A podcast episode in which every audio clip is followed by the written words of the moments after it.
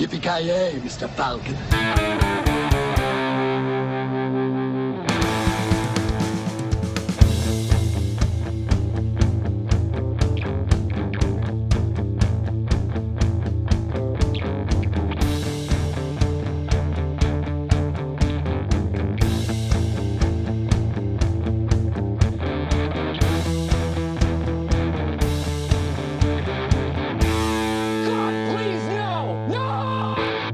Välkomna till ännu ett avsnitt av Creative Meltdown Podcast. Mitt namn är Joakim Granström och idag så tänker vi ge oss in i armbrytningens galna värld. Med mig så har jag från Luleå, Sveriges största armbrytningsentusiast, Joakim Avoya. Hur står det till?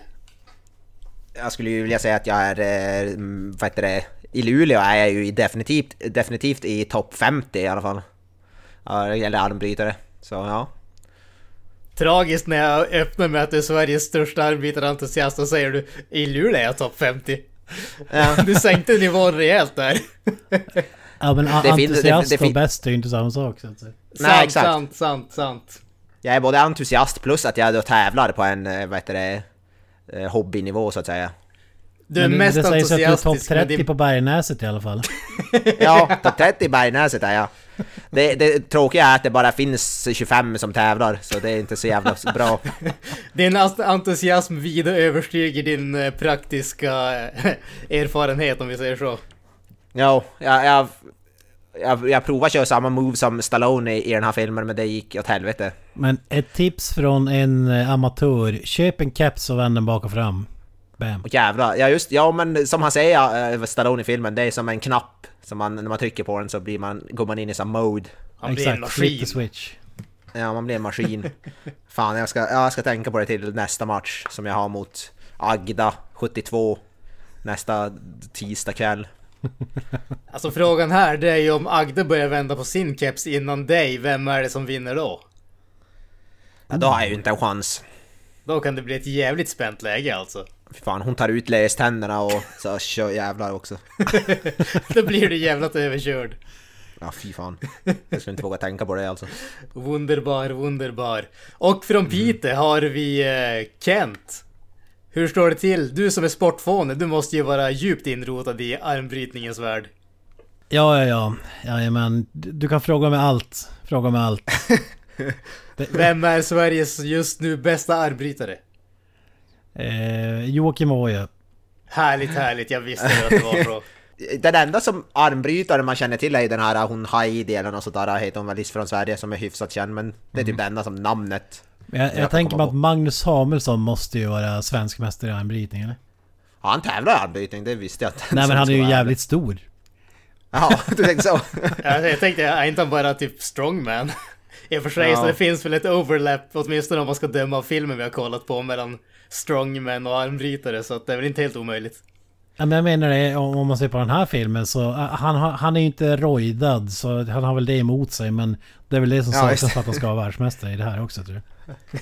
Alltså hur, hur utbrett är det egentligen? Är det någon som har koll på det, så här armbrytningstävlingar? För jag, alltså det är ju ingenting man någonsin hör någonting om överhuvudtaget. Det känns definitivt inte ens som, som en populär sport, men å andra sidan känns det som att eh, barriären för att eh, börja med sporten är ju jävligt låg. Jag menar, vad krävs att du har? Ett bord i stort sett.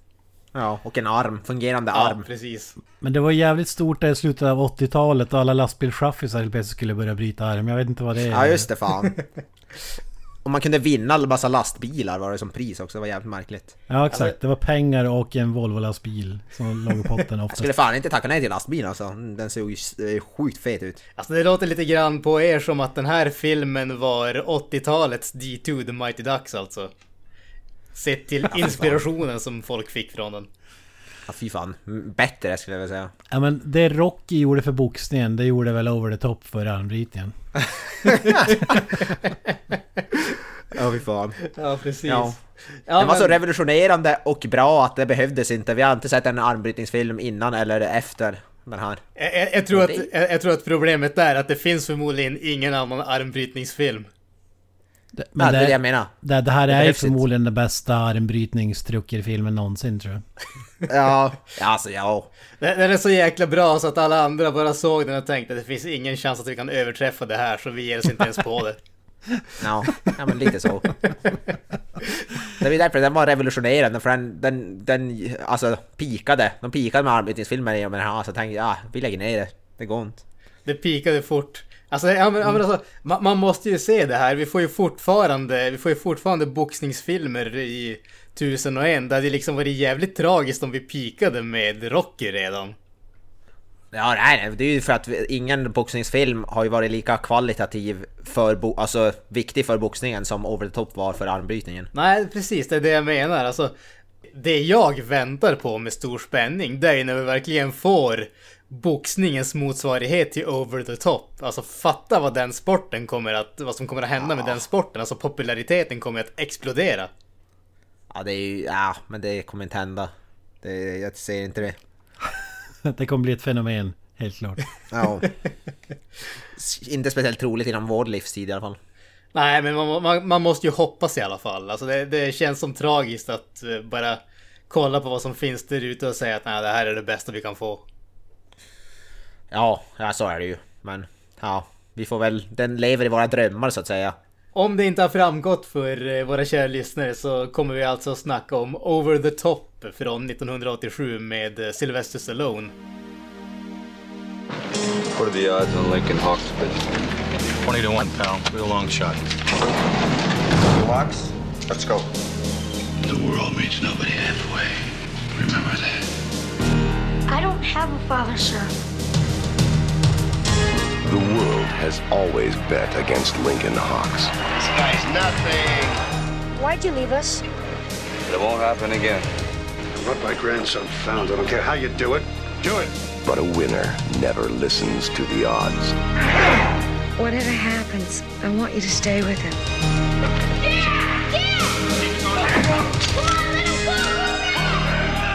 Where do we end up? Together is all I can guarantee. You ain't got a prayer in Vegas. You never had anything, so you have nothing to lose. All I want to do is hurt him, cripple him, get him off the table. All I care about is you. You're my boy. You understand? The world beats nobody halfway. Now is the time to do for yourself. I'm all you. Over the top, Dad! Over the top! Sylvester Stallone, over the top. En film som tar en blandning mellan drama, lastbils, eh, action och eh, armbrytning. Ja, det sjuka är att det är ju lastbils-action. Alltså, Du får en scen av lastbils-action men det är en grym. Ja. Ja. två stycken till och med faktiskt. Två stycken. Ja, fy fan. Ja, ja. Fast Ja. and the Furious kan ställa sig i skamvrån alltså. Ja, definitivt. Alltså det, det, det som jag faktiskt blev... Som jag insåg när jag började kolla in lite grann på den här filmen, det var ju när vi just pratade om det här sporttemat som vi har nu. Det här är ju då- den andra delen i sporttemat, men Stallone har ju varit med i ett antal hyfsat sportiga filmer om man säger så. Alltså du har ju givetvis Rocky, klassiker där, hela den filmserien, men du har ju även Cliffhanger, alltså bergsklättring. Du har ju Driven där han eh, racear, alltså han är ju inte sagt, eh, sagt emot just de här eh, sportbitarna så att eh, att det skulle finnas en armbrytningsfilm med en Hollywoodstjärna känns det ändå på något sätt som att det, var han som var det logiska valet där i alla fall. Death Race, är inte Ja. Sylvester var med i Death Race? Det är han. Också. Supersportfilm. Ja men det, det i alla fall, de racear ju. Ja, det går ut på att döda så många som möjligt också. Så det är ju... Ja, en män, människojakt. Det är väl på någon, någon, säkert någon sport. Ja, men det, det ligger någonting i det. Ja, när det gäller sportfilmer, fan Stallone måste ju ligga ändå i toppen. Han är vad heter det, sportfilmernas Nicky Cage. Ja, men alltså det, det är ju som med Stallone. Du sätter honom i vad som helst och han gör det fantastiskt. Alltså, han lyfter ju alltid oanade höjder. Det, det är ju bara så. Jag var ju förvånad att man faktiskt kunde förstå vad han sa i den här filmen också. Det är ju det, han pratade ju hyfsat rent. Det var jag förvånad över. Han viskar jävligt mycket dock. Ja, ja han pratar väldigt typ, men det är inte så, han sluddrar inte som han, kan, som han gör typ nu för tiden. Det här kanske var innan han började få sin käke sönderslagen i Rocky-filmerna. Ja, alltså man, man, man ser ju i slutet av filmen när han tar i hur hela ansiktet blir snett. Det, det kan man ju också säga. Alltså jag har aldrig hör, varken hört eller sett en film med så här mycket manligt stönande som inte har varit en p-rulle alltså. Om det finns ett ljud som skulle sammanfatta den här filmen så är det...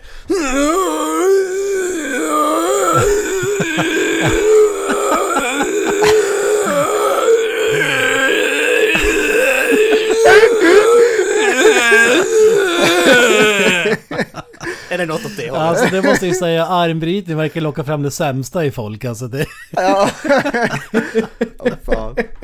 Det där ljudet och även då svett i liter så har du over the top. Definitivt. ja jävlar vad det svettas i den här filmen. Ja. Jag blir svettig bara jag tänker på den här filmen, höll jag säga. Alltså, där, där är ju ett sommarjobb som heter duga, alltså sköta svetthinken åt eh, Stallone under den här Ja, filmen. gud förbannat. Ja, men alltså, Du får jävla springa mycket varv alltså. Fatta, det blir liksom ställ fram den. Det, alltså det, det blir ju inte som eh, att du har en person som springer fram och tillbaka, utan de måste ju bilda en sån här kedja som de har när de liksom ska släcka ett hus som är på eld ungefär. Så att de langar där, tomma hinkar framåt, fulla hinkar med svettfulla hinkar bakåt. Så bara langar Jag de hela att- tiden. Men innan vi går in på den här, är det någon som hade... Du, du har sett den här filmen tidigare Kent va? jag Ja, är ja, ja. säker på att du har sett den. Absolut, absolut. Fantastisk film. Ja. Hade Granström sett den här innan? Jag hade inte sett den, jag hade aldrig ens hört talas om den. Jag har sett delar ur den tror jag, jag tror aldrig jag har sett hela men jag känner igen det här med att det här speciella greppet han gör med handen och det här med kepsen. Jag kommer ihåg att jag sett, jag tror min storebrorsa kan ha visat någon scen typ från den eller något sånt. Men det är typ det enda. Det här är lite som Killer Clowns från Outer Space och som alla har hört talas om filmen bara för att det är så bisarr eh, Ja, premiss. precis. alltså en trucker som åker runt och bryter arm och ska bli polare med sin son som han har lämnat bort i... Eller dragit ifrån i Mm, tidig exakt. ålder så att säga. Ja det är lite, lite mytomspunnen filmen då. Eftersom det är ju, som vi sagt innan, det är väl den enda armbrytningsfilm som existerar typ. Definitivt den enda Hollywoodfilmen om armbrytning i alla fall. Ja. Finns väl säkert någon eh, dokumentär eller någonting åt det hållet, men jag tror att... Någon Holly- liten indiefilm. Jag tror att den här filmen var nog början och slutet på Hollywoods kärlekshistoria med armbrytning. Jag tror de märkte med den här filmen, ja det går inte att göra en så jävla intressant film om armbrytning. Alltså det, det är svårt. Du, du har två personer som står vid ett bord och bryter arm och det mest spännande kan ju vara att någon är på väg att... Är typ en millimeter från bordet och så svänger den åt andra hållet. Det, det är inte Ja. mycket att jobba med alltså. Alltså, Nej. man måste ju säga att den här filmen har ju inte den bästa armbrytningsscenen i en film heller. Den bästa armbrytningsscenen det är ju flugan när han eh, bryter armen av snubben. Nej just det. Får ju inget sånt i den här filmen tyvärr. Ja jag väntade men fan, någon, i någon scen måste väl en arm brytas. Men nej, fick Alltså, det, vi- det, är den, det är egentligen den logiska jävla eh, lösningen på The Final eh, Wrestling grej. Alltså i den här filmen. Fi, finalen. Eh, Det, det är ju så givet att en arm ska brytas av men det tyvärr kommer det aldrig. Nej. Alltså Nej det, fan jag hade, jag hade velat se det alltså. ja, alltså det, det hade ju definitivt gjort eh, skillnad för, eh, om man säger actionsekvenserna, vad man ska kalla det. Det, det, det. det måste man ju ändå, tycker jag, ge dem. Även om filmen inte, alltså... Det är ju jävligt avigt att försöka göra en actionscen där det egentligen bara är två stycken snubbar som håller handen och de liksom inte rör sig direkt. Men de gör definitivt allt för att det ska kännas fartfyllt och liksom häftigt i den här filmen. Det, det måste man fan ge dem. Alltså, Men- jag tycker det är kul, att vågat att de försökte tycker jag. Det, alltså, sen att det inte funkade, men man måste ju ändå prova innan man vet liksom. Absolut, absolut. Därför. Alltså vi, vi måste bara nämna, jag har ju nämnt Magnus Samuelsson här. Jag, jag vet att han bröt ju fakt bokstavligt talat armen av en snubbe i armwrestling. Eller var det han själv som kanske bröt armen? Ja, jag vet inte. Inte den blekaste. Nej. Ja, men han, han Någon inblandad. bröt armen i alla fall. När han bröt, alltså i armwrestling, det, det är fan coolt alltså. Ja, det är man, det är status. Jag tycker han borde ha... Han kunde ha varit bad guyen i den här filmen, sista bossen där. Magnus Samuelsson. Ja, vi snackade om det innan, de valde en snubbe som faktiskt på riktigt var proffs inom armwrestling. Rick Zumwalt heter han i verkligheten. Jajamän. Precis. American Professional Arm Wrestler and Actor. Ja, det är bra, bra blandning det alltså. ja, En ja. rak linje. Han har ett jävla CV, förutom att vara proffs på armbrytning så har han även spelat in en eh, fighting-serie med Sean Connery i The Presidio och även spelat en av Penguins uh, henchmen i Batman Returns. Det är fan mäktigt. Ja, alltså det är Fan, ju inte det är ett CV som inte går av för rackor, definitivt. Nej, nej fy fan. Fan, rak linje mellan han och Danny DeVito alltså. Det är kungligt. Absolut. Men när vi ändå är inne på skådisarna så kan vi ju dra några stycken. Alltså vi har ju som sagt Slice Alone. Vet väl inte om det känns som att de behöver någon närmare introduktion. Det är ju Rocky, det är Rambo. Jag, vet inte. Nej, vem är den har sliced alone? Världens bästa skådespelare, alla kategorier. och Kents regissör. husgud. Absolut husgud, absolut husgud. Är han Ja, den ja. judigaste husguden? Ja, det kan, det kan fan mig vara så alltså. Alltså det är svårt att ogilla Stallone. Han, alltså, han, han är har alltså högre upp än Kurt Russell. Oh, men jag... ja, det, det, Svår gjort- fråga. Carl Urban. Ja men alltså Schwarzenegger och Stallone, alltså man kan ju inte annat än älska de två. Alltså... Det är ju... Nej. Men det alltså går- de är så skyhögt upp på listan så det finns ju inte. Mm. Men sen om jag ska välja en favorit på studs, det, det vill jag inte göra. Men han, definitivt en av kandidaterna. Till topplaceringen så att säga. Ja, det är svårt att ogilla Stallone. Det väl, kan väl inte någon ärligt säga att man ogillar Stallone. Kan jag ha svårt att tro. Om man ska vara seriös ett tag så är han ju en jävligt bra skådis. Däremot har han ju förmåga att inte välja de bästa filmer och det är väl därför som Ah. hans, hans rykte är lite be- befläckat så att säga. Ja, ja det kan man ju säga. Men Han är ju, han är ju Jag- egentligen underskattad skådis just av den anledningen tycker jag. Men jag, jag gillar det med honom att han gör... Han gör filmer som han tror att hans eh, fans gillar och vi älskar allt han gör. Mm. Och han, han gör inte bara de här säkra filmer utan han, han gör dem. Alltså som Over the Top till exempel. Han ville inte ens göra Over the Top. Men de, det var i och för sig av fel anledning. De slängde bara en massa pengar på honom tills han sa ja. Så till slut kände han att fan jag måste säga ja trots att jag inte vill göra den för att de betalar mig så jävla mycket. Det är mycket pengar och ingen kommer att se den så what, what's difference liksom? Ja, ja men exakt. han trodde inte att någon skulle se den ändå. Det var det han sa bara. Ah, no one's gonna see it. Ja, ja men precis. Ja men sen har vi ju eh, Robert eh, Loggia. Jag vet inte om man ska uttala efternamnet riktigt där. Loja. Loggia. Scarface. Ja, fy fan. Sjukt, sjukt bra i Scarface han faktiskt också. Spelar den här uh, crime-bossen eller vad det är som, vad heter det, som han uh, anlitar ju Tony Montana typ. Eller vad det är. Sjukt, sjukt bra i den filmen faktiskt. Även känd som generalen i Independence Day. Just fan. En eh, mäktig film. Definitivt en mäktig film. Ja, bra skådis Robert Loggia. Eh, riktigt, riktigt bra. Yes. Ändå hyfsat i den här filmen också med tanke på vad han har jobbat med. Ja men det kan jag absolut hålla med om. Och när, ändå, när vi ändå som sagt håller på med skådespelare. Den här filmen eh, vann ju kanske inte jättemånga priser men den vann två stycken Razzies och de gick båda två till David, David Mendenhall som spelar Michael, alltså Slice eh, son i filmen. Hur fan kan han vinna två? Han vann Worst Supporting Actor och Worst New Star. Stack, pojk, pojkstackarn. Pojkstackars som är typ 10 bast. Ja, fy fan. Fy fan vad oförtjänt. Jag sa det här innan alltså.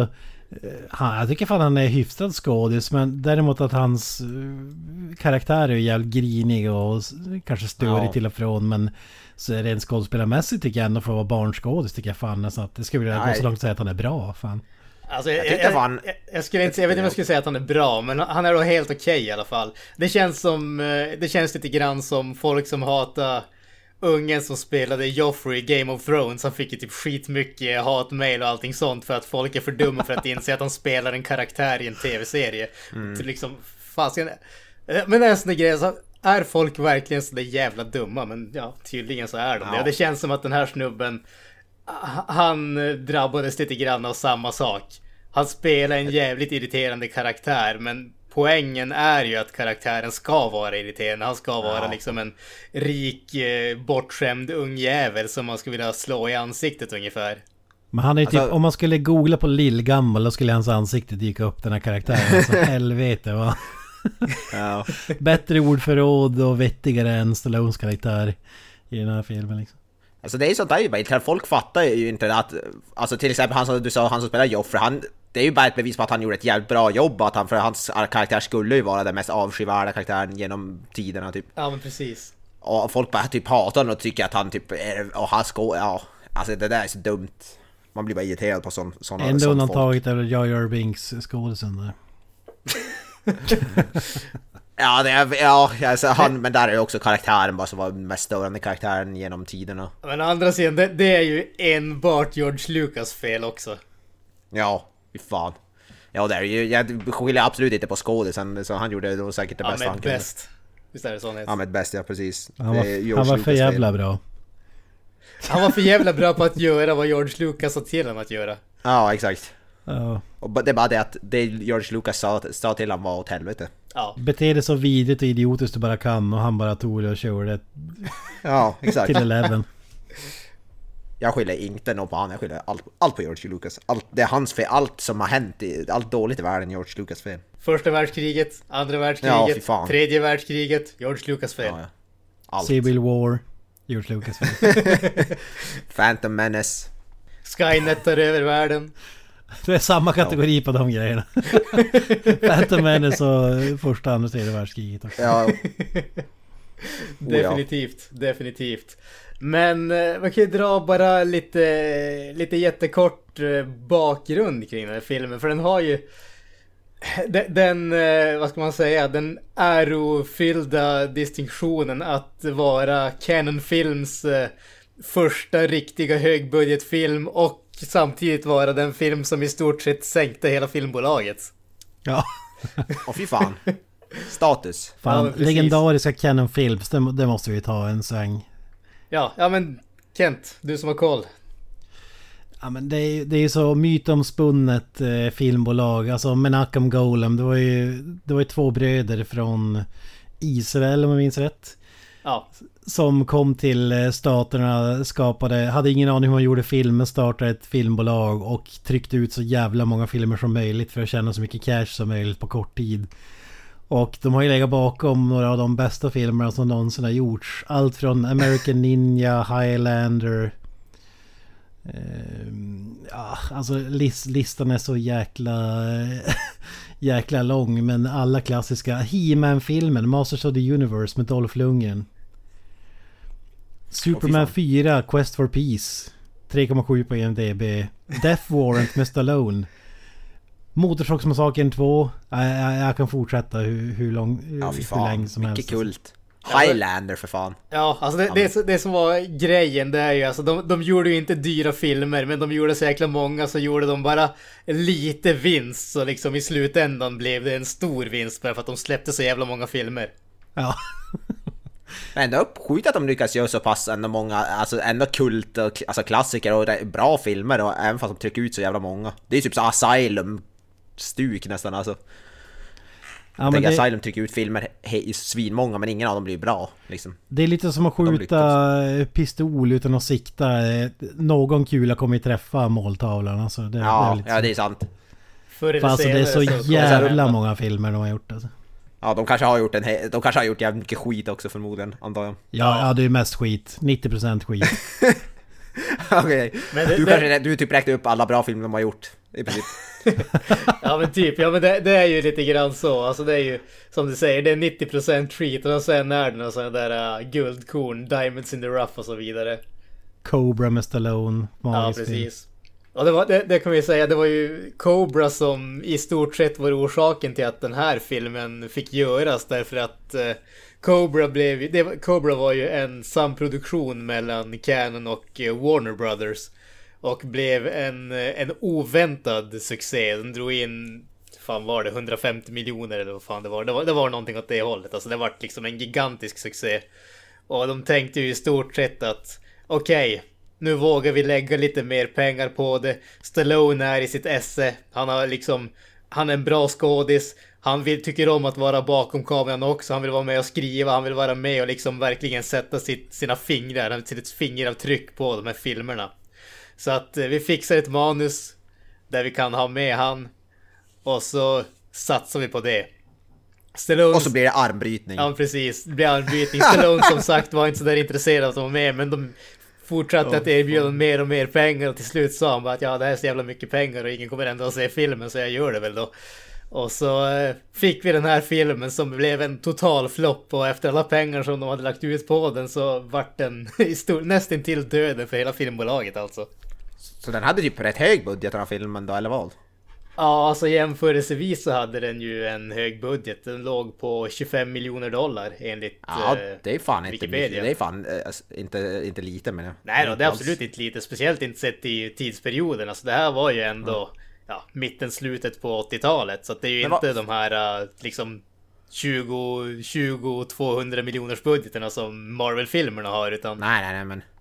Men jag tänker, hur fa- vad fan lades pengarna på i den här filmen? Det måste ju vara Stallone som, alltså absolut majoriteten Ja, ja, ja. av pengar. Absolut. Nej, alltså gre grejen var ju att eh, actionscenerna som de hade med lastbilen, de två, de var så jäkla dyra för de fattade inte att man kan ha liksom fejkade lastbilar utan de köpte en ny lastbil som de kraschade varje gång de Ja, tog en ny tagning. Är det sant eller? Nej, det var fullkomligt påhittat. Ja, Det skulle inte förvåna mig om, det, om mycket Alltså pengar just gick för att till det är lastbilar. de här snubbarna skulle jag inte vara förvånad alltså. Nej, det lät ju fan troligt. Jag tyckte... Men jag tänkte, det, det är inte långt från sanningen att lastbilarna är förmodligen det efter Stallone som kostar mest. Skulle inte förvåna mig det minsta. Alltså fasiken, lastbilar är ju jävligt dyra. Ja, Men jag tänker det finns väl anledning till att Stallone kör runt i den risigaste jävla lastbilen som finns och inte en Ja, top of the line.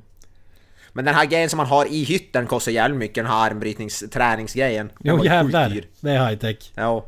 Ja, definitivt. den kostar två miljoner så det är inte bara den. Ja, ja, ja, men alltså fasiken, inser du hur mycket arbete som krävs för att få in den där saken i Ja men hytten? gud man. Ja Jesus Det är Christ. det, alltså, du måste ju inte du måste möblera om hela hytten, du måste designa om den, separera sätena ännu mer. Du måste se till så att grejerna sitter fast och inte flyger av när han bromsar, du vet. Alltså det, det, det där var ju ett miljondollarprojekt alltså. Ja fy fan. Hur skulle ni beskriva manicken han har? Det, det är vikter och så är det typ en eh, ögla i taket där repet... Ja. Alltså Ja, du, precis. du, du har ju, ja men det är en klassisk sån där äh, dragställning i stort sett. Du drar, du drar uppifrån och vikten följer med helt enkelt. Så att du har en Mm. motvikt. Där va- typ vanligt så här träningsredskap som man kan se i gymmet bara, bara att det är för så att han kan träna sin armbrytningsarm då antar jag. Precis. Samtidigt- Samtidigt som han Precis. kör. Jävlar vilken trafikförare det där ska vara. Alltså med tanke på att man får böter för att man sitter med mo- mobiltelefonen. Om du sitter och drar... För han sitter ju och kör och tränar i den viktgrejen samtidigt. kan ju inte vara bra så att säga. Tufft att växla också. Ja men det är det som är extra träningen liksom när man, behöver, när man behöver växla så måste han dra extra hårt och extra snabbt så han hinner nå till eh, väx, växelspaken medan han fortfarande håller vikten mot. Det är det som är grejen, det är det som är den där extra träningen, det är det som gör att han är han. Ja just det, det blir som en viktväst för handen. Liksom han växlar med den där... eh, Ja men precis. Ja, det är avancerade grejer. Definitivt alltså det här, Jag det här ska är- installera en sån vid datorn, hade jag tänkt. Behöver det verkligen... eh, Med tanke på vad du sysslar med när du sitter där så att säga. Ja men vad fan tror du jag ska ha den till? Det är ju... Ja, men eh, det, ja. Han behöver ju motståndet, det är ju det som är grejen. ja just det, just det. Ja fy fan. Vi går vidare. Yes. Ska vi kanske dra hela filmen på tre minuter? ja, ja, ja.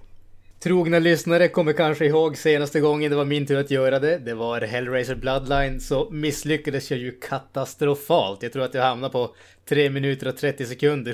Hotade, att sänka hela poddens framtid men eh, vi har eh, haft en djup och allvarlig diskussion. Grabbarna bestämde sig för att jag får en till chans så att eh, Alltså jag är fortfarande lite butthurt och ledsen över, disappointed över det alltså.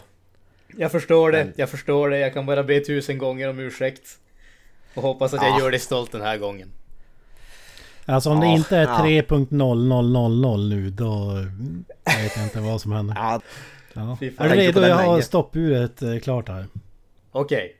3, 2, 1, go!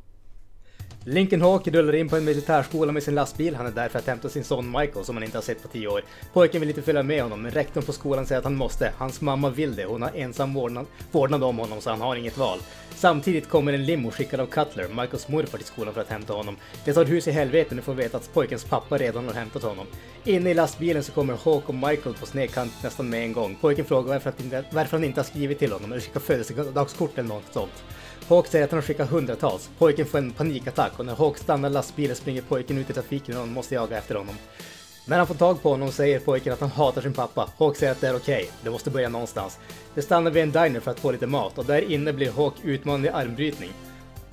När han har vunnit så vinner det, ringer det pojkens mamma och vi får se att hon ligger på sjukhus. Hon säger att det är viktigt att pojken följer med sin pappa. De stannar på en rastplats och sover där och på morgonen så gymnastiserar de tillsammans. Väl tillbaka på vägen börjar pojken klaga på att Hawk inte har några böcker. Han är uppenbart på en lägre intellektuell nivå än honom. Hawk kontrar med att låta pojken köra lastbilen, vilket var lite sisådär. De stannar på en ny diner och Hawk utmanar några unga att byta arm med Michael. Han förlorar och springer därifrån gråtandes. Han anklagar Hawk för att vilja skämma ut honom. Hawk kontrar med att han är en rik och bortskämd unge och världen ger inget gratis. Om han vill ha något måste han kämpa för det. Han tror att pojken har vad som krävs för att vinna, men han måste våga ta det själv. Och där, därför vinner pojken de nästa två matcherna. De ringer mamman igen, men medan Hawk pratar med henne så blir pojken kidnappad. Hawk jagar efter kidnapparen i sin lastbil och lyckas stoppa dem. När pojken undrar vilka det var säger han bara “Fråga din morfar”. De anländer till sjukhuset men får veta att mamman dog på operationsbordet. Pojken flippar ur och säger att han hade hunnit se henne om han inte hade åkt i lastbilen med Hawk. Han hoppar in i en taxi och tar honom till Cutler Estate, alltså hans morfars hus. Hawk kommer till Cutler Estate med lastbilen men de släpper inte in honom, så han rammar grinden och kraschar in i huset. Men innan han hinner få tag i pojken så har polisen kommit dit. Han vaknar i arresten. Cutlers sekreterare är där med Michael. Sekreteraren har ett erbjudande. Om han lämnar staten och aldrig kommer tillbaka lägger de ner åtalet. Hawk undrar vad Michael tycker och Michael säger att han kan inte åka med honom så han går med på avtalet. Han anländer själv i Vegas för att eh, tävla i armbrytning och säljer sin lastbil för att få cash som han kan satsa på sig själv. Samtidigt så letar pojken igenom huset och hittar alla breven som Hawk hade skrivit till honom. Och han blir upprörd och snor en bil och kör mot Vegas. Hawk förlorar den första matchen, men innan den andra matchen så hör Cutler av sig och vill träffa honom. Han har ett nytt erbjudande. En ny lastbil och 500 000 dollar för att sticka därifrån med en gång. Hawk nekar och går tillbaka till turneringen. Han tar sig vidare till finalen och pojken har lyckats ta sig dit för att träffa honom. Hawk är osäker på om han kan vinna men Michael tror på honom. Finalen går mot Bull Hurley som har varit obesegrad i fem år. Matchen är jämn, men efter mycket möda och ansträngning så lyckas han vinna och blir världsmästare i armbrytning och vinner 100 000 dollar och en vit Volvo-lastbil. Ja, ja, det är under all kritik. 0258. Fy fan. Ja men det är ändå god, det är bättre att han vara under än över tycker jag. Ja, okej. Ja. Tragiskt ja. dåligt av mig. Jag ber om ursäkt än en gång. Ja, rusk, ruskigt uselt måste jag säga. Men men. Jag gillar att, att Granström får så mycket skit och jag är ändå typ betydligt sämre. eh, Många gånger sämre. Men det är ju för att det är jag, så jag, jag, är ju, jag står ju utanför. Sk- Skillnaden är att ingen har några förväntningar av dig. Ja, exakt. Och, och för att citera Hawk, du är född med en silversked i munnen och har fått allting serverat. Så det är... Ja, det är ju för sig sant. Ni, ni är ju från the street så att säga. Ja, Exakt. Ja, Vi, vi är ju alltså... Eh, vi, vi är ju... Vad fan heter han? Den mörka eh, ungen som gör knuckleballs i... Eh, ja. Keenan. knucklepucks i D2. Ja, precis. vi, vi är han till din eh, Charlie, helt enkelt. Ja, exakt. Ja, exakt. Nej, nu är det den här Banks, bortskämda jävla bratten alltså. eh, när vi är inne på hockey, har vi dragit en story när din farsa var och sotade hemma hos Jarmo Myllys? Hur fan visste du det? Har du snackat med min farsa eller? Ja! Han snackar med ringde Jarmo upp han. Sa 'Get around kids' det, det här har jag aldrig berättat för någon tidigare, men nu ska ni få höra. Han har brutit arm mot Arm- Jarmo Myllys. Mot Jarmo Myllys fru, eftersom att Myllys inte Ja, är men, ja, och förlorade. Och f- när ni var unga så ljög han för er och sa att han hade fått fika, det var därför det tog extra lång tid. Han ville Ja. Fan. Stönen i den här filmen är inspirerat av stönen som kom från den matchen. De är inspelade, de har bara lagt på så här över. Jag, förstår, jag förstår att din farsa pensionerar sig tidigt och lever på royalties nu alltså. Ja, ja, gud förbannat. Världens mest kända stön. Hans claim to fame. Ja, alltså. Jag har två grejer som jag har gjort. Jag har sotat hos Jarmo Myllys och mina stön var med Over the Top. Ja, exakt. Jag är skådespelare, jaha. Jag är bara stön. Jag var Sly Stallones stuntstön. Han är, lite som Vin Diesel där, I am Groot i de här uh, Guardians of the Galaxy. Han kör bara stön. Och man fattar ändå vad han menar liksom. Ja men precis. Underbart, underbart. Ja, en, en bra. Millie-story slår ju alltid eh, allting annat så att säga. Ja. Det, det slår det mesta. Framförallt de Millies historierna utan Jarmo Millis himself eh, inblandade. så. Ja vad fan. Always leave them wanting more så att säga. Ja, ja. Ja, men sorry.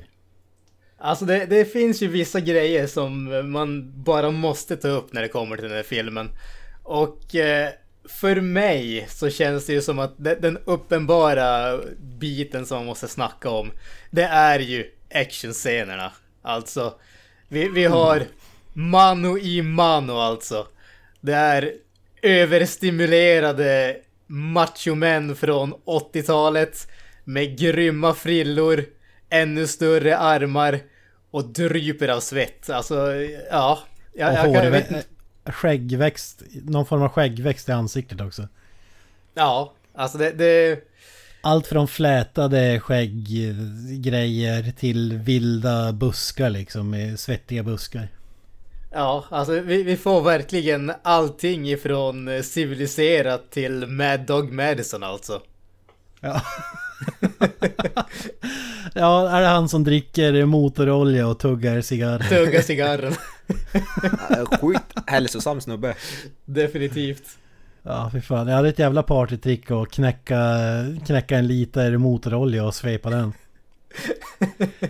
Det är ju så jävla Ja. kul. Senare i filmen då, då tar han ju något så typ C-vitamintabletter eller sånt där klipper dem. Eller vad är det han har för någonting? Alltså det är typ en brustablett bara tyckte jag. Jag vet inte vad det var riktigt. Price to pay för att bjuda på publiken på en show och dricka motorolja i, innan man bryter arm. Fan kan ju inte bli, bli bra i kistan av det kan jag inte tänka mig. Nej, alltså det känns ju inte direkt hälsosamt. Halsbränna deluxe. Ja, det kanske var laxermedel och han tuggar i sig. Kanske är det som han behövde. Han behövde någonting som fastnade upp eh, innan dömet om vi säger så. Ja men Randy Rainey här, det var ju tydligen någon skurk i Rambo 3 sa ni. Ja precis. Det var typ det enda han hade gjort. Förutom den här filmen. Var någon typ av skurk. Jag vet inte om han var huvudskurk, jag kommer inte ihåg Rambo 3. Det är ju den absolut sämsta Rambo-filmen. Nej, den är Jag kul. kommer, jag, jag Rambo kommer and a inte ihåg horse. mycket från den. Ja men Ko- Korov står det här. Jag har ingen aning Ja. vem i filmen det är men det är lite intressant. Den kom ut ett år efter den här. Så han och Stallone måste ju bli Ja. polare. Ja precis. Gjorde sen efter det så har han typ inte gjort någonting.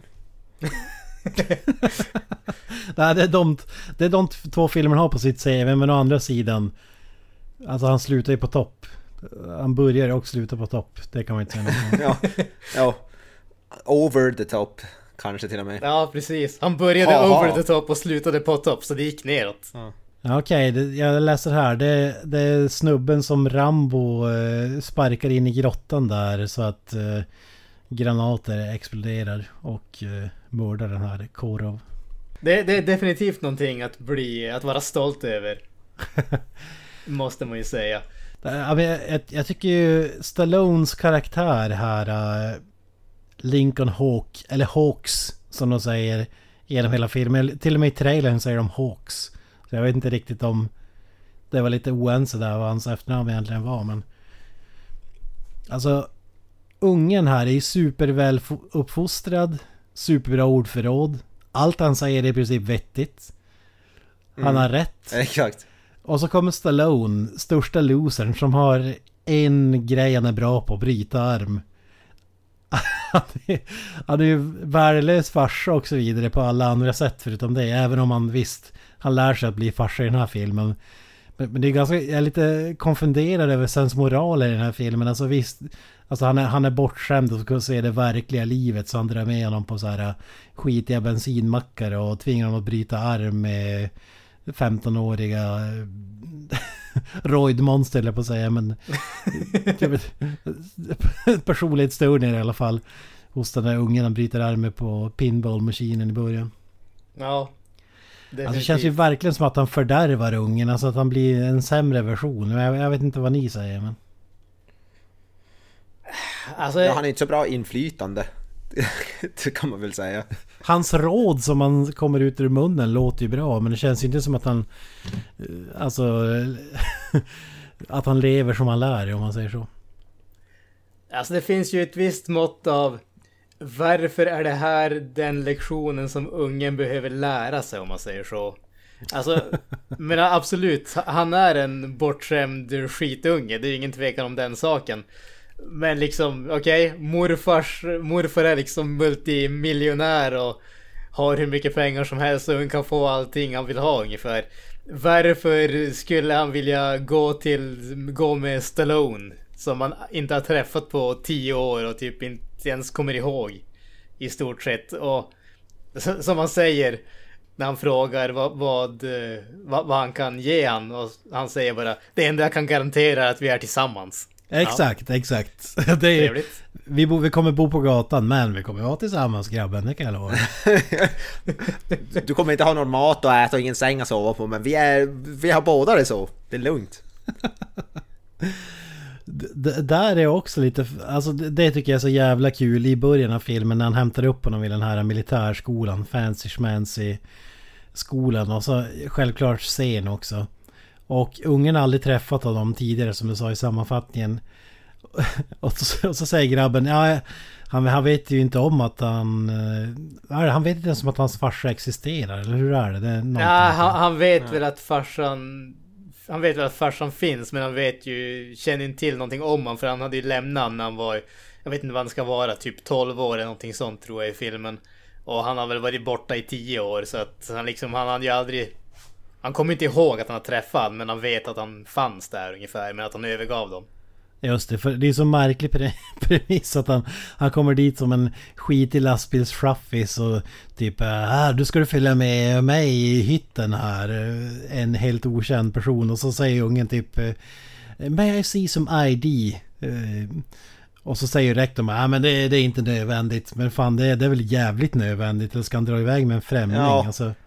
Men, alltså, men jag älskar när han drar fram sin ID. Det är ett bröllopsfoto stort som ett jävla A4 på han och hans morsa. Det är så jävla bra alltså. Ja, ja men jag, jag, tycker en sak som också knyter an väldigt eh, direkt till det här. Det är ju att vid flera tillfällen i filmen så frågar ju ungen varför han övergav dem. Och ja. vi får aldrig något svar på det. Det enda han säger var bara, är bara I had my reasons ungefär. Jaha. Ja, det, det känns ju verkligen som att stora delar av filmen blir bortklippta och reshoots och grejer eller, eller någonting. Att man övergav en del av storyn. För det är ju någonting skumt med den här rika eh, morfarn också. Alltså vart fan har han fått sina pengar? Mm. och så det är någonting... Eh, hans morfar har ju sagt att Stallones karaktär...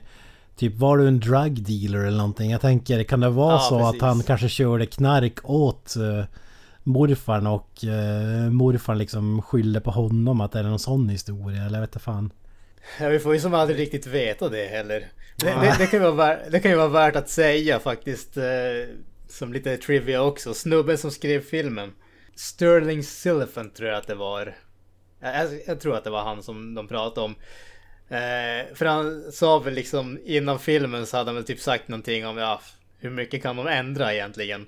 Och han sa väl tydligen att eh, när han hade sett filmen så hade han tårar i ögonen för det var typ inte alls vad han hade skrivit i stort sett. Not att, surprised, äh... Canon Films. Fan vad magiskt. han var till och med tårögd. Alltså det där måste vara ja. så jävla bittert i Hollywood. Alltså när du skriver, framförallt när du skriver manus och grejer. Och så alla bedömer ju filmen och så har regissören eller någon studion tagit sig en massa friheter och ändrat om skit och så måste, är det du som står till svars för hur bra eller dåligt det är och så är det kanske 80% eh, eh, Alltså skiljer sig 80% mot vad du egentligen skrev från början. Ja, nej men alltså så är det ju definitivt. Så det, det, finns väl någonting att säga om att, ja okej, det är en sak att skriva en film och det är en helt annan sak att filma en film och agera i en film och allting sånt där. Liksom, du behöver ju mm. inte ta hänsyn till budgetkrav eller någonting åt det hållet när du skriver. Du behöver inte ta hänsyn till skådespelarkapacitet eller någonting åt det hållet. Så att Det, det är ju definitivt en, eh, en skillnad som finns när det kommer till att skriva jämfört med att göra en film eller filma en film. Men jag, jag tycker absolut, alltså har man lagt ner tid och själ och skrivit någonting sånt här och sen om man har skrivit någonting som man själv tycker är djupt och har någonting att säga om så här fader-son relationer och bortvarande, frånvarande föräldrar och sådana saker. Och så sen så får du en taskig rockig kopia där actionscenen är armbrytning. Jag menar, ja. Jag förstår han. Ja, fy fan vad magiskt. Men Wunderbar, eh, wunderbar. å andra sidan svårt att säga att en, en armbrytningsfilm skulle kunna vara bättre än vad den här är. Alltså, jag, jag vet inte. Alltså, Ja. det, det, det jag skulle säga är väl att bitarna som inte är armbrytning skulle definitivt kunna vara bättre. Det är väl däremot armbrytningen i sig som jag har svårt att tänka mig hur de skulle kunna göra intressantare. Nej. Ja, ja men det, det inte förstår man att den här father son biten det är bara utfyllnad. För du kan ju inte ha 90 minuter ställa om bara bryter arm nonstop. Eller, Alltså fan. eller kan man det? Man Shut kanske, man kanske kan det. Jag tror man skulle kunna det fan. Alltså En och en halv timme stönande karar. absolut. Varför inte? Absolut. Det kan vi nämna. Den här filmen blev ingen kritikersuccé direkt. Och Ja, det, det finns ju en skön skrena där Stallone hade tryckt upp Roger Ebert från Siskel Ebert mot en slot machine han hade träffat på honom för att han hade kritiserat filmen och Stallone så jävla hårt i sin rec- recension och, och Stallone sa ju några sanningens ord och, och sa till honom att det är okej att kritisera filmen men inte mig. ja det, det, det har någonting i. Helt Det rätt, ligger, helt det ligger något i det. Alltså han verkar ju inte gilla den här filmen själv Stallone. Så, han, så det, där, där tror jag inte han har något problem. Det är kanske bara med hans, att inte kritisera hans insats. Ja men det, det är som jag säger, även om filmen inte är perfekt så, så är han alltid bra. Det, det tycker jag ändå att man kan säga. Sen har jag gjort några ja, filmer som kanske inte skådisar och hans dignitet hade tagit sig an.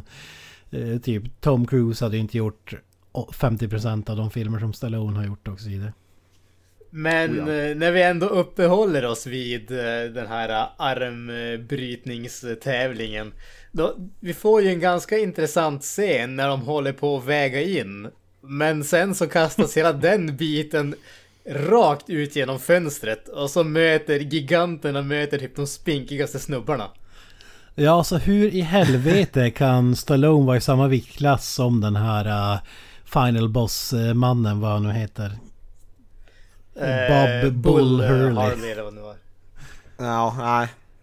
Alltså, vi, vi snackar om att han skulle ju bokstavligt talat ha kunnat käka Stallone till frukost innan armbrytningen. Alltså han måste vara tre gånger så stor i alla fall, om det räcker. Ja, alltså han, han är ju verkligen gigantisk. Och han, to, han tornade ju verkligen över Stallone också. Och jag menar okej att de har en invägning men ska de, om de sen liksom helt ignorerar alla de där uh, vad folk väger då fan är poängen med det. Kanske bara för att man ska få den här...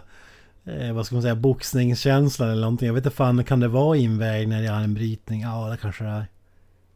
Jag, eller jag tänker om du har som i 300 UFC där de ska stå, stå framför varandra sådär. Så, ja, fy fan vad kul det hade varit. Vad jag säger, han väger 310 pounds. Det är ju i runda slängar 150 kilo eller någonting. Ja.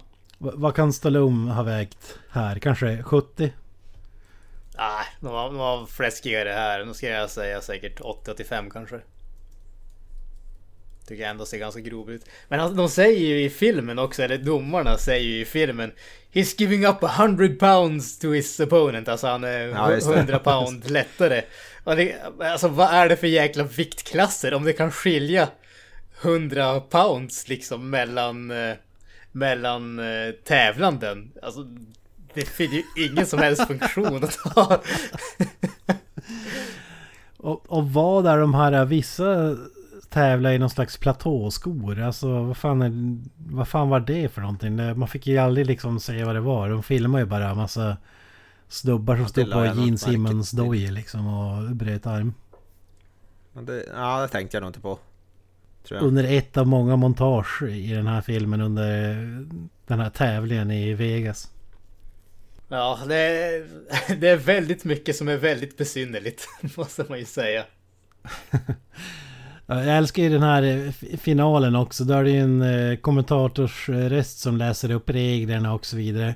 De, de, de, de gjorde något misstag där och att det var en snubbe som, jag vet inte om var helt obesegrad eller bara hade förlorat en gång som egentligen skulle ha varit kvar i tävlingen men som bara skjutsades ut.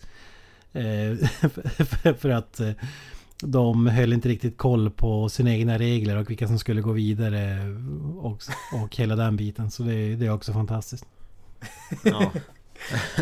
Det, det känns väl ungefär som att det är lika mycket koll i bakgrunden som det är på generella Canon-film om man säger så. ja, exakt. Ja, ja men faktiskt. Så är det ju. jag, jag tycker att den här eh, scenen är ju ganska sjuk när Stallone ska hämta tillbaka ungen. Han blir inte insläppt. Ja, just det. Han, han, han kör dit med sin eh, Ja, rostiga jävla det, ja. lastbil. Åker till, de har en sån där Beverly Hills grindar eller vad man ska kalla det. Stora jävla grindar till det här mansionet som morfarn har. De- släpper inte in honom. Det är någon vakt som säger typ dra åt helvete ungefär. Du kommer inte in här. Och då går han bara lugnt tillbaka, sätter sig i lastbilen, tar sats och bara plöjer igenom. Så att grinden flyger iväg. Och så älskar jag touchen att lastbilen kraschar, kör över en jävla fontän och kraschar just så att den slår in ytterdörren och ingenting annat på huset. Jag tycker det är fantastiskt. Alltså. Alltså. Men det där är ju fan terrordådsklass alltså. Det, det kändes väldigt eh, skakigt att den där scenen måste jag säga. Nej, det, det känns verkligen som att han går all, över alla jävla gränser när han kör in där. Det, det är svårt att, svårt att sympatisera med, med karaktären efter det där måste jag säga. Och så är det så Ja, ja, men meningslöst alltså- också. Snuten dyker upp på 30 sekunder och fängslar honom. Han hinner, inte, han hinner knappt träffa sin grabb. Nej, och så sen... Alltså som du säger, det är lite svårt att sympatisera med honom. Om inte annat därför att han har varit borta ur sin unges liv i tio år. Och vid det här laget så har de varit med varandra i två dagar. Ja. Tror jag. Två eller tre dagar. Och han är liksom beredd att i stort sett döda folk. Alltså det står ju, de här två gubbarna som inte släppte in, de står ju direkt vid grinden när han bara rammar in dem så de måste slänga sig ur vägen. Och han fortsätter köra rakt in så han krockar med huset utan att ha någon sorts, någon sorts hänsyn till vilka som skulle kunna vara där inne. Men- Alltså det, det är ju bokstavligt talat ett terrordåd i stort sett. Ja, faktiskt. Alltså, men det, det, det, är befogat för att han- hans döende exfru slash fru säger åt honom att han aldrig ska lämna pojken ensam utan han ska vara med honom för evigt. Så han gör ju bara det han är tillsagd att göra. Om det då Ja, det, hade innefattar det hade att... varit underbart om det hade slutat i ett murder suicide här. Han hade kört över ungen och dött i kraschen själv.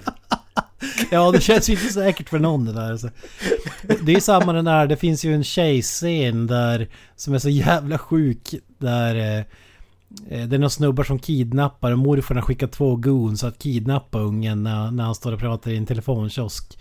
Och så bränner han efter dem i lastbilen. Han kör liksom över gräsmattan, kör mot rött, kraschar in i massa andra bilar. Innan han till slut prejar den här jävla lastbilen av vägen och, och kraschar in i dem med lastbilen. Alltså där är det ju, förutom att det är whiplash deluxe på ungen så... Det, det, det, det, det är ingen som bryr sig om det där. Inte ens, det kommer ingen polis eller någonting. Alla bara jaha okej, vi borstar bara av dammet från axlarna och kör vidare efter den gigantiska kraschen. Det, det tycker jag är fantastiskt också. Ja.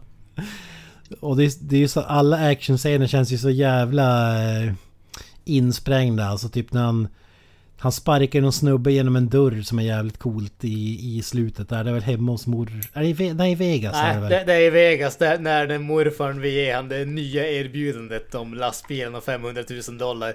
Ja. Och han vill gå därifrån och snubben ställer sig i vägen och säger bara att Cutler pratar fortfarande med det och då stannar man kvar och lyssnar och han eh, typ eh, sparkar in han genom dörren som han står bakom och så fortsätter han bara gå. så jävla bra. Badass. Eh, Det roliga är att den där 500 000 dollar är mer än vad han får i reward när han vinner den där tävlingen. Ja, Visst är det det? och, da, Ja. och där vet jag, han, han vet ju bara om att han har förlorat vårdaren. Så det makes you no sense att kasta bort det. Han hade, han hade ju bara kunnat ta pengar och lastbilen och... Och så sen gått tillbaka till tävlingen, brutit, vunnit finalen, tagit hem två jävla Ja, lastbilar det. och pengar. Alltså... För att han har ingen aning om att ungen försöker ta sig till honom. Han, ungen smiter ju från morfar och hans hejdukar för att när han har läst med breven som vi snackade om tidigare. Och inser att ja, han har faktiskt brytt sig om mig till tider utan att jag har vetat om det. Ja. Det är också jävligt märkligt att han bara säger, säger nej till det. Vad fan, han, han skulle ha tagit allting. Men men. I alla fall fundera på Men, det. men. Ja, Ja. jag fattar inte riktigt varför. Men jag hade gjort det i hans skor i alla fall. Men den här Hawk också, han är ju sen till allting. Han är sen till sin sons examen, eller vad man ska kalla det, från militärskolan. Han är sen till en jävla begravning. Han är sen till... Alltså de, han får inte träffa morsan innan hon dör. Hon dör efter en, vad är det, misslyckad operation eller vad han säger. Ja, hon dör på operationsbordet i alla fall. Han, han, är, fan, han är fan sen till allt alltså. Det är så begravningen är nästan det bästa när man bara stövlar in. Alltså det är de press som de står ute så här och ska typ sänka kistan. Då stövlar bara in och så blir prästen, alla blir helt tysta och bara kollar på honom och, och viskar medan han lägger ner blommor och så går man därifrån. Jag tycker det är fantastiskt att han bara avbryter begravningen på så meningslöst sätt alltså. Ja, det var rätt underbart. Jag tyckte också om eh, touchen med den eh, svarta jeansskjortan och slipsen. Ja. Dressed for the occasion. oh yeah! Det är sådär en trucker klär sig när han ska klä sig fint alltså, så är det. Det, är eh, designat av eh, Armani, vet du. Armani gör mycket truckerclothes. Han är extremt eh, framgångsrik inom jeansvärlden. Byxor, skjortor, jeans-t-shirts, jeanslinnen. Yes it all. Och truckerkepsen förstås. Definitivt. Jag, jag tycker också att soundtracket är jävligt mäktigt alltså. Alltså jag måste säga att jag tyckte inte om det. Det kändes... Ja. Det, alltså det, det är inget fel på musiken. Det, det är oerhört 80-tal med allt vad det innebär. Men det som jag störde mig på var att jag tyckte inte att det kändes som att det passade in i filmen. Alltså, Stallone har ju sagt själv att han önskar att de hade använt mer score, alltså musik, alltså inte poplåtar utan... Eh, Musik skriven för filmen, instrumentalt. ja, precis. I, istället, och det kan man hålla med om. Men alltså den här filmen ger Top Gun en run for its money när Kenny Loggins Danger Zone spelas utav med fan tio gånger i Top Gun.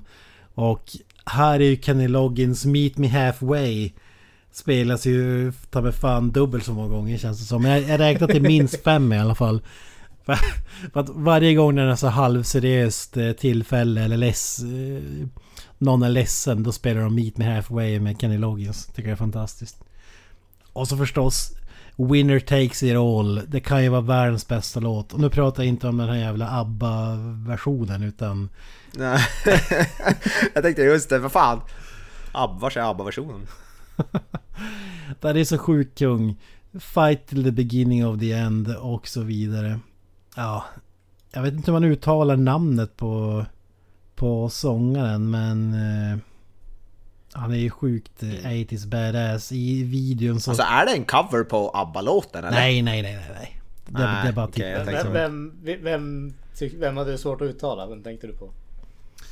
Eh, Snubben som eh, sjunger låten. Alltså Sammy Hagar? Ja, precis. Ja, Sebbe Hager. Så säger. Ja. Eh, Okej. ja, okej. Eh, jävla metal-snubbe. Som sagt, videon springer runt i pyjamas och eh, spelar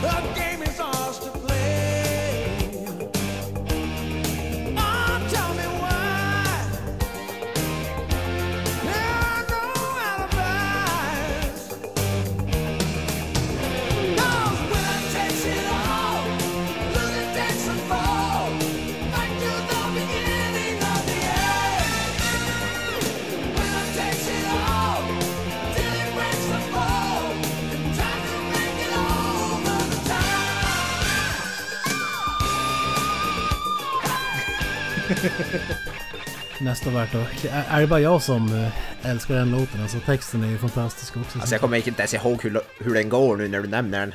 Jag kan inte, för jag har glömt bort den redan så Herregud, jag tror, herregud. jag tror inte, jag tror inte jag, jag var så stort fan. Om det, om det är något, något betyg, att jag inte kommer ihåg den. Är det, alltså, är det den låten som de sjunger over the top också? Nej, nej det tror jag För, inte. de, för de sjunger over the top i någon låt i den här filmen. Men jag kommer inte ihåg vilken låt det var.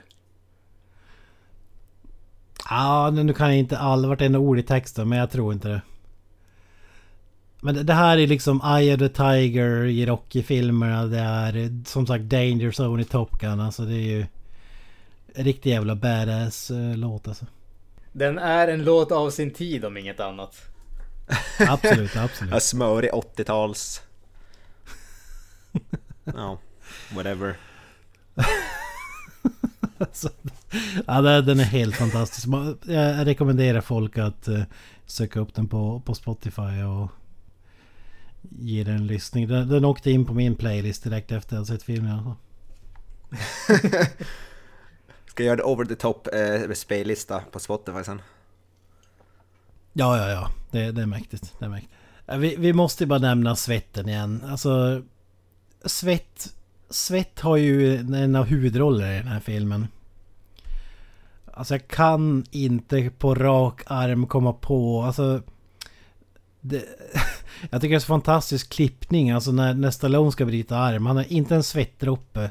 Och så helt plötsligt när han ska bryta då, då är det som att alla har badat i svett i två veckor när de, när de klipper i nästa tagning. Och, och det, vad, vad säger du Granström? Svett funkar ju jävligt bra på film. I verkligheten är det inte lika mysigt men det ser ju coolt ut eller? Ja men så är det ju. alltså. Svett är ju ett jäkligt bra sätt att visa ansträngning. Det är ju det som är grejen.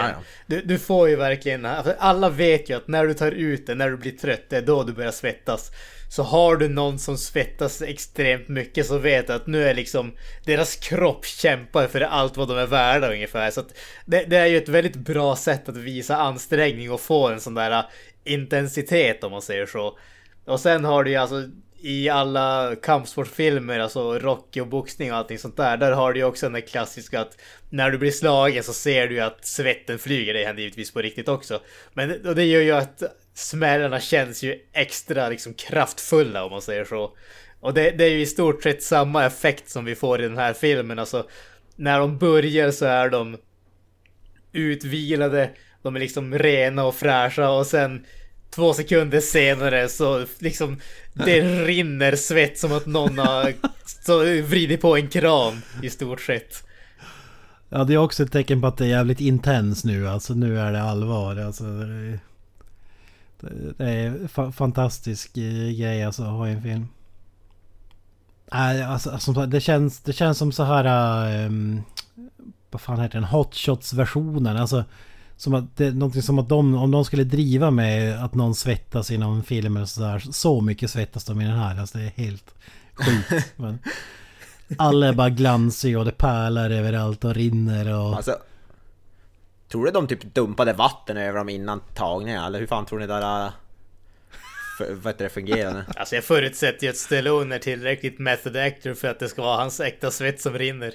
Ja, ja, Ja. ja. ja, förmodligen. Han hypade upp sig så jävligt. Han pumpar iron i 20 minuter för att få upp den här.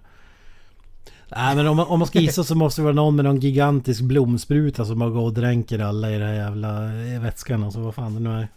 Babyolja eller någonting. Ja, alltså någonting måste ju vara definitivt. Jag tror fan, alltså jag, jag har inte sett någon svettas så här mycket sen The Rocky Fest 5. Nej, nej, nej jävlar! Ja, där snackar vi svett också. Han, han måste vara inspirerad av Over the Top alltså när han gjorde Ja. den karaktären. Ja men alltså det, det är härligt att se den influens som den här filmen har haft i vårt vidare popkulturella landskap. Utan tvekan alltså. Ja men det, det är ju bara de bästa skådespelarna i Hollywood som inser vikten av bra och mycket svett. The Rock och Stallone. Alltså det är ingen slump. Nej, alltså det, jag, jag tror definitivt att det ligger väldigt mycket sanning i det. Det, kän, det känns som att de är lite birds of a feather alltså. Ja, ja. Absolut, absolut. God recognize gods, som man brukar säga. precis, precis. Eh, Men jag, jag måste bara nämna här, jag läser en jävligt häftig grej som vi helt har missat. Okej, okej. Okej. I finalmatchen, vi har ju varit inne på det här tidigare. Stallone strained his forearm and dislocated Hurleys shoulder. I finalmatchen nej. när han vann matchen. Så skriket av smärta från den här gigantiska Hurley är på riktigt alltså. Han, han skadade Jävlar. dislocated his Tog shoulder. med den tagningen alltså. Ja, det säger ju allt om Stallone. Fan. Vad mäktig han är. Han väger typ en tredjedel av den snubben och ändå jävla bryter en Mörsar han. axeln Ja, på fan. den jäveln alltså. Fan vad mäktigt. Underbart. Underbart, underbart, underbart. A man's man. Det är fan. Avslutningsvis vill jag bara ta tempen på, det har vi också varit inne tidigare på, men Stallones skrik när han tar i i den här filmen. Skulle ni säga att det håller Rocky-klass eller Judge Dredd eller vart placerar ni det? Det är jävligt manligt. Det, Om inte annat. Det- det stön. ja, Ja. ja, alltså. Ja, då Det, jävligt det manligt. känns ju någonstans som en blandning mellan Judge Dredd och en brunstig älg. ja, just det. Ja, men den är bra, den är bra. Det är method acting på at, it, at it finest. På hög nivå. Vi fick ju... Vi fick ju där Granström gjorde ju sin bästa version av det här tidigare. Vi ska stoppa den på loop här någon, som när vi redigerar. Absolut, absolut. Skulle aldrig drömma om att ta någonting sånt från er. Jag kommer att klippa in det hela tiden i det här avsnittet. Ja, fy fan. Fy fan, fy fan. Men du Granström, du hade ju någon trivia här om eh, att publikbilderna var ju faktiskt riktiga publikbilder från någon slags armbrytningsmatch. För man tänker att de är ju superfake eftersom att folk är så jävla uppspelta för att det är armbrytning. Men du menar alltså att det är på rikt? Ja, tydligen, tydligen så var det så. Alltså när de... Eh, när de fick OK att eh, producera den här filmen så satte de tydligen i stort sett med en gång försökte man eh, organisera en eh, riktig over the top eh, armbrytartävling som då blev av och eh, tydligen är det så att de här eh, bilderna från de olika Eh, armbrytningsmatcherna som vi får här i slutet av filmen är bilder från den turneringen. Alltså det var en riktig turnering. Och publiken som är där, det är samma publik som är med när Stallone bryter arm. Därför att han spelar in på exakt samma ställe med exakt samma publik. Han gjorde, de gjorde det bara dagen efter så att säga. Så att eh, dagen, dagen efter då spelar Stallone in allting. Men övriga klipp det är tydligen från den riktiga turneringen om man säger så. Åh fy fan vad mäktigt. Det där är så jävla sinnessjukt. Om man har sett filmen så... Alltså om man inte har sett filmen kan jag inte förstå hur galet det är att det där skulle vara för en riktig tävling. Men det måste vara så att de har sagt åt dem att go nuts för att vi ska ha det här på film liksom. Ja, alltså, Förmodligen. Och, och- jag, jag, jag förstår absolut det, men å andra sidan, har man sett på typ eh, Pumping Iron och det, de där bodybuilder-grejerna, alltså publiken blir ju också liksom helt i extas för de grejerna. Och jag menar visst, absolut, det är stora välbyggda män, men i slutändan så är det bara en drös med stora välbyggda män som står och spänner på en scen. Jag vet inte om det är så mycket att skrika åt egentligen, men publiken gör ju det. Så att, att folk skulle börja skrika när folk bryter arm, jag vet inte, det känns inte så avlägset ändå tycker jag. Det är typ the testosterone is in the air eller någonting. Alltså att det, Ja, men det Ja, måste ju ja. vara någonting åt det hållet. Det är bara dryper av testosteron om Stallone för fan. Behöver bara vara inom en, några meters avstånd så jävlar. Ja men alltså det, det, det, det, det är liksom svetten som sprider sig i hela rummet Ja, och ja. genom det så väcker den här primala krigarkänslan hos varje man ungefär. Ja, gud ja. ja, nu hade man stått där och skrikit och stönat om man hade sett Stallone in real life, sorry. Ja, ja. Jag gjorde ju det när jag såg filmen för fan. Ja, man blir blöt av att se den här av olika anledningar Ja. så att säga. Blöt på, eh, på andra sätt också, höll jag på att säga. alltså det är så det funkar för dig. Ja men ja, du ska... Det, det är ingen kommentar höll jag på att säga. Ja, fy fan. Nej, men eh, ska vi sammanfatta? Vad, vad fan tyckte vi om filmen egentligen? Vi har inte varit inne på det så särskilt mycket eller? Avoya? Jag vill börja. Ska Avoya, jag börja? Kör du? Alltså... Alltså det är ju inte en bra film. Det kan jag ju gå ut och säga direkt. Det är absolut inte en bra film.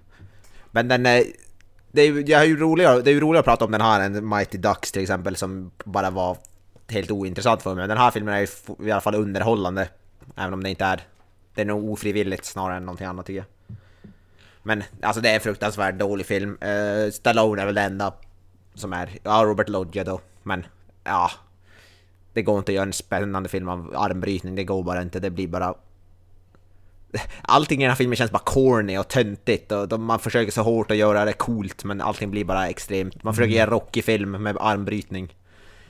Och det blir bara corny av hela skiten och man, man vill bara ta fram så här skämskudde lite mest tycker jag. Ja, Så ja, inte ett fan. Är Underhållande filmen på helt fel premisser och Fy fan, jag kom in med helt motsatt eh, inställning. Det här är ju så coolt som en armbrytningsfilm kan bli. jag, jag tycker ändå de lyckas, även om man vet exakt hur det ska gå. Alltså det är förutsägbart train i helvete. Så tycker jag ändå att de lyckas att få matcherna ganska spännande. All svett, alla närbilder, klippningar, eh, musiken, eh, folk som bara skriker, man blir lite stressad och, och typ vad fan, eh, bryt nu. Eh, alltså drar ut på det och så vidare. Så jag, jag tycker fan det funkar. Sen att det, det, hela filmen, att den heter Over the Top är jävligt passande för allting är ju over the top så in i helvete. Men det gör ju bara filmen mer underbar i min mening alltså. Ja. Jag, kan sträcka mig till att visst, det är ingen bra film egentligen men den är sjukt underhållande och jävligt kul eh, att se på och... ja, jag blev... eh, posi- Det var länge sedan jag såg den här. Jag blev positivt överraskad och då tyckte jag ändå om filmen back in the days. Så... eh, Ja, fantastisk film måste jag säga. ja. Ja, alltså jag, jag lägger väl mig någonstans uh, mittemellan er två. Jag håller definitivt med Kent om att jag tror att det, det här är så bra som armbrytning kan visas i en film. Det, det, det håller jag faktiskt med om. Och jag tycker om armbrytningsscenerna. Alltså jag tycker de är, de är välgjorda, de är spännande som vi har pratat om. All svett som dryper alltså. Det, det gör ändå att det känns väldigt eh, intensivt och effektfullt. Problemet är ju bara att allting annat i filmen är ju i stort sett bedrövligt. Alltså absolut, det, det finns väl en... Det, det finns väl en angelägen historia om frånvarande föräldrar och konkurrens när liksom de som är nära dör och sådana saker. Men jag, jag tycker att det, det, funkar ju inte i den här filmen. Absolut, St Stallone är en bra skådis, men jag tycker, jag kan inte påstå att jag tycker att han levererar här. Jag kan väl inte påstå att jag tycker att någon annan... Jag tycker väl inte att någon riktigt levererar. Det är väl ingen som jag tycker är katastrofalt usel heller, men jag kan inte säga att jag tycker att någon är bra. Men, men alltså, jag måste ändå säga att jag tycker att armbrytarscenerna är så pass underhållande att jag tycker att filmen är värd att se bara för dem. Men eh, jag hade definitivt önskat att det var mer av den varan. Fy fan vad jag skrattade alltså när den här eh, ärkerivalen som var med i finalen dyker upp i början av filmen när han ska, vad heter det, arm wrestle på någon... Double or nothing! Ja, double... ja just det. I feel like kicking some, kicking some ass eller vad han säger. Alltså det är så jävla ostigt att det är helt, helt underbart. Alltså det, det är det man älskar med de här filmerna. Att det är så dåligt så det blir bra alltså. Fantastiskt. Jag, ty jag tycker ju om att den första snubben som utmanar Hawk ser ut som typ Hulk Hogans efterblivna lillebrorsa också. han är sjukt fientlig då, men sen när han träffar honom på tävlingen så är han ju värsta... Ja men tjena! Alltså. Det är också... Han, han blev eh, ödmjuk efter eh, förlusten antar jag. Ja, alltså det, det är... Eh, det, det, är underbart. Det är underbart. Jag har bara tanke på att folk är typ så här barfights. Nej, det är ingen barfight. De ska bryta arm. Alltså det hade lika gärna kunnat vara fingerkrok. Alltså det är så jävla patetiskt på, på så många ja, sätt. Alltså. Det, det, det, jag älskar just också när han blir utmanad där. Han står och velar där och säger han liksom ja, okej okay då. Och så hör man bara någon skriker Get the table! Ja. ja. Sjukt badass alltså. Ja, de gör ju allt för att det ska verka så coolt som möjligt och det lyckas de med over the top.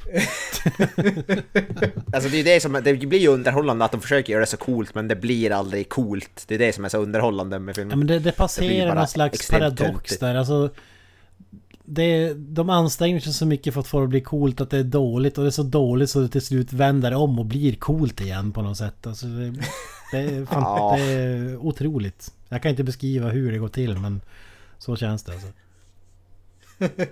Alltså de tar ju, så, de tar ju sig på, på så stort allvar att det blir oerhört komiskt. Det är det som är så kul. Ja, ja, ja men hade de exakt. typ varit mer o, hade de varit mer oseriösa och flamsiga och gjort med en komedi då hade, det, då hade man ju tyckt inte det var lika kul förmodligen.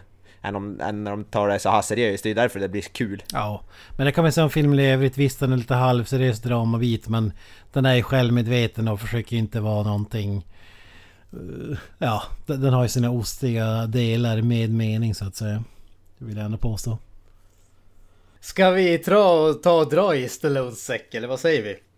Det gör vi gärna. Ja. Det gör vi Vi- gärna. Vi, vi drar i hans säck eh, ideligen. Vi, vi, vi eh, brottar ner den så att säga. Och stönar en- samtidigt. Ja, och stönar högt och manligt och dryper av svett. Definitivt, definitivt. Som de sportfånar vi är. Ja, fy fan. Absolut. Att vi är. I vanlig ordning, vi säger tack och er för detta avsnittet. Ni hittar oss på Facebook, Instagram, eh, Twitter. Våran superlänk som ni hittar på linktree.ee forward slash creative meltdown podcast. Ni eh, kan gärna skriva till oss. Vi tycker om filmförslag, åsikter, kommentarer om allt och alla. Har ni några sista ord grabbar? Men med det säger jag eh, peace out. Och eh, Up the Irons.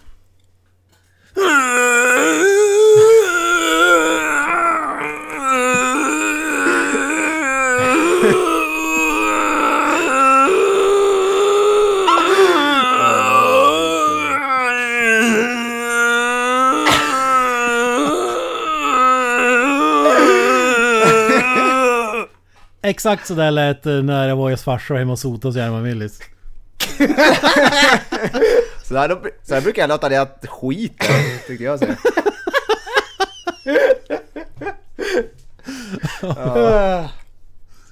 Tack och godnatt gott folk. Goodbye. That's it, man. Game over, man.